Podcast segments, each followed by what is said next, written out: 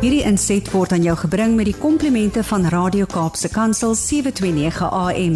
Besoek ons gerus by www.cape pulpit.co.za. Luisteraars, ek is Marita Martens. Wat 'n voorreg om in julle geselskap te mag wees en oor dinge te besin wat ons hele lewe raak. Dinge wat ook ons nageslag se hele lewe raak. Ons gaan as die Here wil vandag en by nog 'n paar ander geleenthede oor die voorreg, voorreg en die diepte of gebrek aan diepte van die geestelike opvoeding van kinders in die ouerhuis, in die kinderkerk en in die katedrese gesels. Van selfsprekend met die skrif as bron van wysheid, as die boek van God se wil. Kom ons gee 'n titel aan hierdie gesprek. Dit is geen geringe saak nie. Ons haal iets aan wat Jesus gesê het. Dit is die ewige lewe. Dat hulle U ken en hom wat U gestuur het. Katechetiese onderrig begin nou weer in die meeste gemeentes. Wat kan jy en jou jong kind verwag wanneer jy haar dalk nou na die inperking al paai in katechese lokaal te begelei? Die vraag is regtig belangrik. Net so belangrik, eintlik onberekenbaar belangriker as die vraag wat enige ouer aan 'n wiskunde of biologie leerkrag mag stel. Wat kan my kind in u klas verwag, meneer of juffrou? Wat wil enige denkende ouer uit die mond van sy of haar kind se wiskunde of uh, biologie of rekeningkunde leerkrag hoor? Wat jy hoor? Ag ons sal maar kyk hoe dinge uitwerk. Ons sal gaan maar so week vir week aan. Of Ek gaan jou kind toerus met die nodige kennis. Ek gaan sorg dat jou kind die werk verstaan. Ek gaan jou kind liefmaak vir wiskunde of biologie of rekeningkunde. Wat wil jy die graagste hoor? Wat gaan met ons kinders in die katedrese klas of kinderkerk gebeur? O, hoe sou enige godvreesende ouers se hart en hom of haar opspring as die antwoord sou wees: In hierdie klas gaan jou kind Jesus Christus hierdie jaar leer ken. Hier gaan ek en die kind uh, en die kinders wat aan my sorg toevertrou word. Jesus saam met die skares volg. Ons gaan kyk wat hy gedoen het en waarom. Ons gaan na die gelykenisse luister wat gelykenisse luister wat hy vertel en uitvind hoekom hy sulke stories vertel het. Ons gaan dit doen omdat Johannes 17 van vers 1 tot 3 mos oor Jesus se woorde oor die ewige lewe handel. oor my en jou toekoms oor jou kind se toekoms nou en in die lewe hierna. Volgens hierdie skrif is dit dan ons absoluut noodsaaklik dat elke kind, net soos elke volwassene wat nou leef, die enigste ware God moet ken en vir Jesus Christus wat deur hom gestuur is want hoor wat staan in Johannes 17 vers 1 tot 3. Nadat Jesus dit gesê het, het hy na die hemel toe opgekyk en gesê: Vader, die tyd het gekom Verheerlik u seun sodat die seun vir u kan verheerlik. U het hom immers die volmag oor die hele mensdom gegee om aan almal wat u hom gegee die ewige lewe te gee. En dit is die ewige lewe dat hulle u ken, die enigste ware God en Jesus Christus wat deur u gestuur is. Enige Godvreesende ouers se hart sal in hom opspring van vreugde as daar so 'n visie in 'n gemeente is. Hoor net die uitroep uit die hart van Jesus. Hy bid Johannes 17 vers 25. Regverdige Vader, die wêreld ken U nie, maar ek ken U. En hulle hier weet dat U my gestuur het. Ek het U naam aan hulle bekend gemaak en ek sal dit verder bekend maak sodat die liefde wat U aan my bewys het in hulle kan wees en ek ook in hulle. Hoe sou Jesus die wese van die Vader, die Vader vir wie hy verteenwoordig, die Vader wie se eienskappe almal in hom te sien is, verder bekend maak deur ons, deur ons wat Jesus aan ander bekendstel. Deur ons wat kinders na hom begelei. Kyk, dit is Jesus. So is hy. So is God. Hoor wat hy sê. Kyk wat doen hy. Kyk hoe hy teenoor mense optree. Kyk, Hy is die een om te ken. Hoor wat is aan ons toe vertrou. Ons wat kinders opvoed, en self maar soos brose kleipotte is.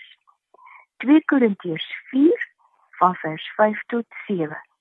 Ons verkondig nie onsself nie, maar Jesus Christus as die Here en onsself as julle dienaars ter wille van Jesus. God wat gesê het dat daar lig skyn in die duisternis, het ook in ons harte 'n lig laat skyn om ons te verlig met die kennis van die heerlikheid van God wat van Jesus Christus uitstraal. Ons wat hierdie skat in ons het, is maar kleipotte wat maklik breek. Die krag wat alles oortref, kom dus van God, nie van ons nie. Om God te dien of te verwerp is geen geringe saak nie, het Moses ook gesê.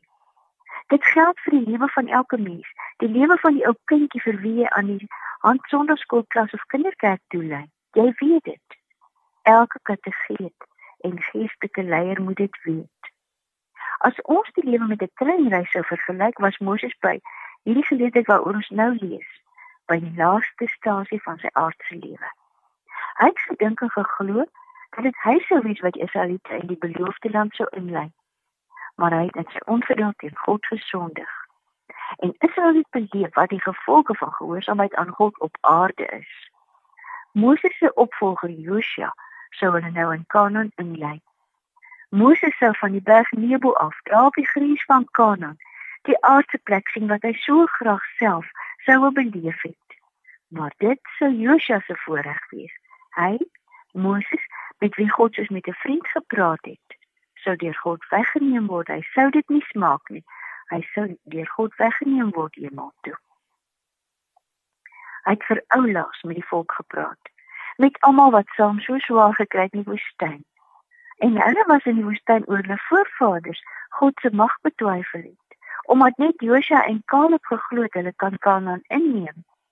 As Josua en Caleb vandag gelewe het, en die psalms gehad het soos wat ons dit het, sou Josua en Caleb vir, vir hulle uit die psalms iets kon aangehaal het en vir hulle gesê het wat in Psalm 91 staan: Sy trou, God se trou, is 'n skild en 'n panser mense as die pyle van ongeloof en klein verloof en angs en benoudheid van die Satan na julle toe aangeflits kom, is God se trou die skild en die panser tussen daai pile en julle harte wat so bewe.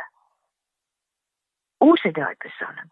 Hulle het dit nog nie gehad nie. Hulle het net gesê maar man het die Here gaan vir ons veg. Nou na 40 jaar was 'n nuwe generasie by grens van Kanaan. Moses kon nie saam ingaan nie, maar hy het hulle vir die toekoms bewapen. Hy het die volgende gedoen, presies wat elke ouer, grootouer en kategeet moet doen. Deuteronomium 31 van vers 30 af. Toe het Moses hierdie lied tot die laaste woord toe aan die hele Israel wat daar bymekaar was voorgehou. Oor hemel, dis Deuteronomium 32 vers 1. Ek praat. Luister na my woorde aarde. My onderrig kom na julle toe soos reënwater. My woorde verkoop julle soos dou, soos sagte reën op die grasies, soos reënbuie op die graan. Ek wil die naam van die Here roem. Prys ons God om sy grootheid. Hy is die rots. Sy werk is volmaak. Alles wat hy doen is regverdig. Hy is 'n getroue God sonder onreg. Hy is regverdig en betroubaar. Moses het ernstig met die Israeliete gepraat oor afvalligheid en wegdwaal van die Here as enigste God. In die skrif lees ons wat hy teen die einde van sy lang gesprek met die Israeliete gesê het. Hoe hy oor lewe en dood gepraat het nadat hy hulle by hulle gepleit het om na aan God te bly leef en sy wil te doen. Deuteronomium 32 van vers 45 af. Toe Moses hiermee klaar was, het hy vir al die Israeliete gesê: "Neem die, al die woorde wat ek julle vandag waarmee ek julle vandag vermaak ter harte. Dit moet julle julle kinders beveel om dit te gehoorsaam en te lewe volgens hierdie wet. Dit is nie 'n geringe saak vir julle nie." Dit is die lewe vir julle. En deur hierdie gebod te onderhou, sal julle julle verblyf verleng in die land wat julle in besit sal neem wanneer julle die Jordaan deurtrek. Dit is geen geringe saak nie, het Moses gesê. Dit die profeet Jesaja sê God weer in Jesaja 45 so sê die Here ek is die Here daar is geen ander nie vers 19 ek het nie in die geheim gepraat iewers in 'n donker land nie. Ek het nie aan die nakommelinge van Jakob gesê om myne onbewoonbare land te dien. Wat ek die Here sê bring redding. My lewe my woorde gee lewe. En so die laaste profeet wat die volle waarheid van God aan ons kom verkondig het, Jesus Christus ook gesê. Lewe en dood is geen geringe saak nie. Die lewe en dood van ons kleinkinders, die geestelike lewe en dood van ons kleinkinders en kinders, van elke ou kindjie wat kategeseskool toe gaan, is geen geringe saak nie. Jesus het gesê en dit is die ewige lewe, Johannes 17 vers 3, dat hulle U ken, die enigste ware God en Jesus Christus wat deur U gestuur is. Mag die Here ons harte brandend maak om die woord vir ons kinders en kleinkinders te gee in die huis en in elke katedrese klas en in die kinderkerk om kinders na Jesus te lei en te begelei. Lank gelede het die groot rivier bo die Nyl rivier in Egipte by 'n oeverstad Etfu aangedoen.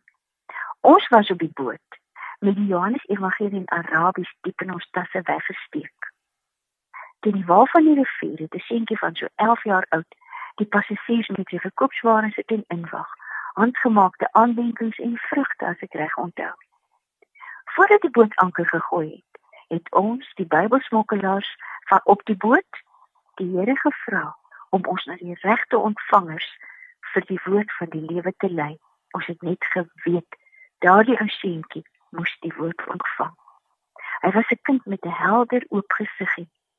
Ons moet die evangelie van Johannes baie vinnig afgee, want by die vallei van die konings en koninginne was daar daar al reeds beamptes op die toerbus om te kom hoor wie daai rooi boekie by die opslaan by die aandenking handelaars se opslaan tafel neergesit. Ons het niks gesien. Maar by Etfo het ons vinnig vir die ou seentjie gefluister. Luister, ons het vir jou 'n geskenkie gebring. Lees dit oor en oor. Because the secret of life is in it. Sal die Here sy woord ooit leeg na om daar terugkeer as ons as ouers, as kategete en as mense in die kinderkerk hulle na Jesus lei. Sou die saad van die woord sommer net daar iewers in Etfo verlore raak deur vors opgepik en deur onkruid verdrink. Nee want in die skrif staan geskryf Jesaja 55 van vers 10 tot 11 Die reën en die sneeu kom uit die hemel uit en gaan nie daarheen terug nie maar deurweek die aarde en laat die plante bot en vrugte dra sodat daar saad is om te saai en brood om te eet. So sal die woord wat uit my mond kom ook wees dit sal nie onverrigte sake na my te terugkeer nie maar dit sal doen wat ek gedoen wil hê en tot stand bring waarvoor ek dit gestuur het en God stuur Jesus die lewende woord en hy stuur die woorde van Jesus tot redding. Die woord sal nooit terug 'n vrugteloos na God terugkeer nie. Kinders wat na Jesus gelei word, sal tot in ewigheid nooit verlore gaan nie. En al sien ons nie die vrug nie, dit sal kom want Paulus skryf in 1 Korintiërs 3 vers 6 tot 9 ek het geplant Apollos het nat gegooi maar dit is God wat laat groei. Dit gaan dus nie oor een wat plant of een wat nat gooi nie, maar om God wat laat groei. Die een wat plant en een wat nat gooi, gooi staan op gelyke voet. God sal elkeen beloon volgens sy werk. Ons is medewerkers in diens van God. En julle is die saailand van God. Here, ons is onder die indruk van die wonderlike lewensbepalende taak van elke opvoeder sonder U kan ons niks doen. Bemagtig ons, maak ons getrou in ons werk as medewerkers, as ouers en as geestelike voorgangers in die kinderkerk en kategese. En laat die lewende saad in elke kind groei in wie se lewe ons dit moet strooi. Om U naam ontval. Amen. Hierdie inset was aan jou gebring met die komplimente van Radio Kaapse Kansel 729 AM. Besoek ons gerus by www.cape pulpit.co.za.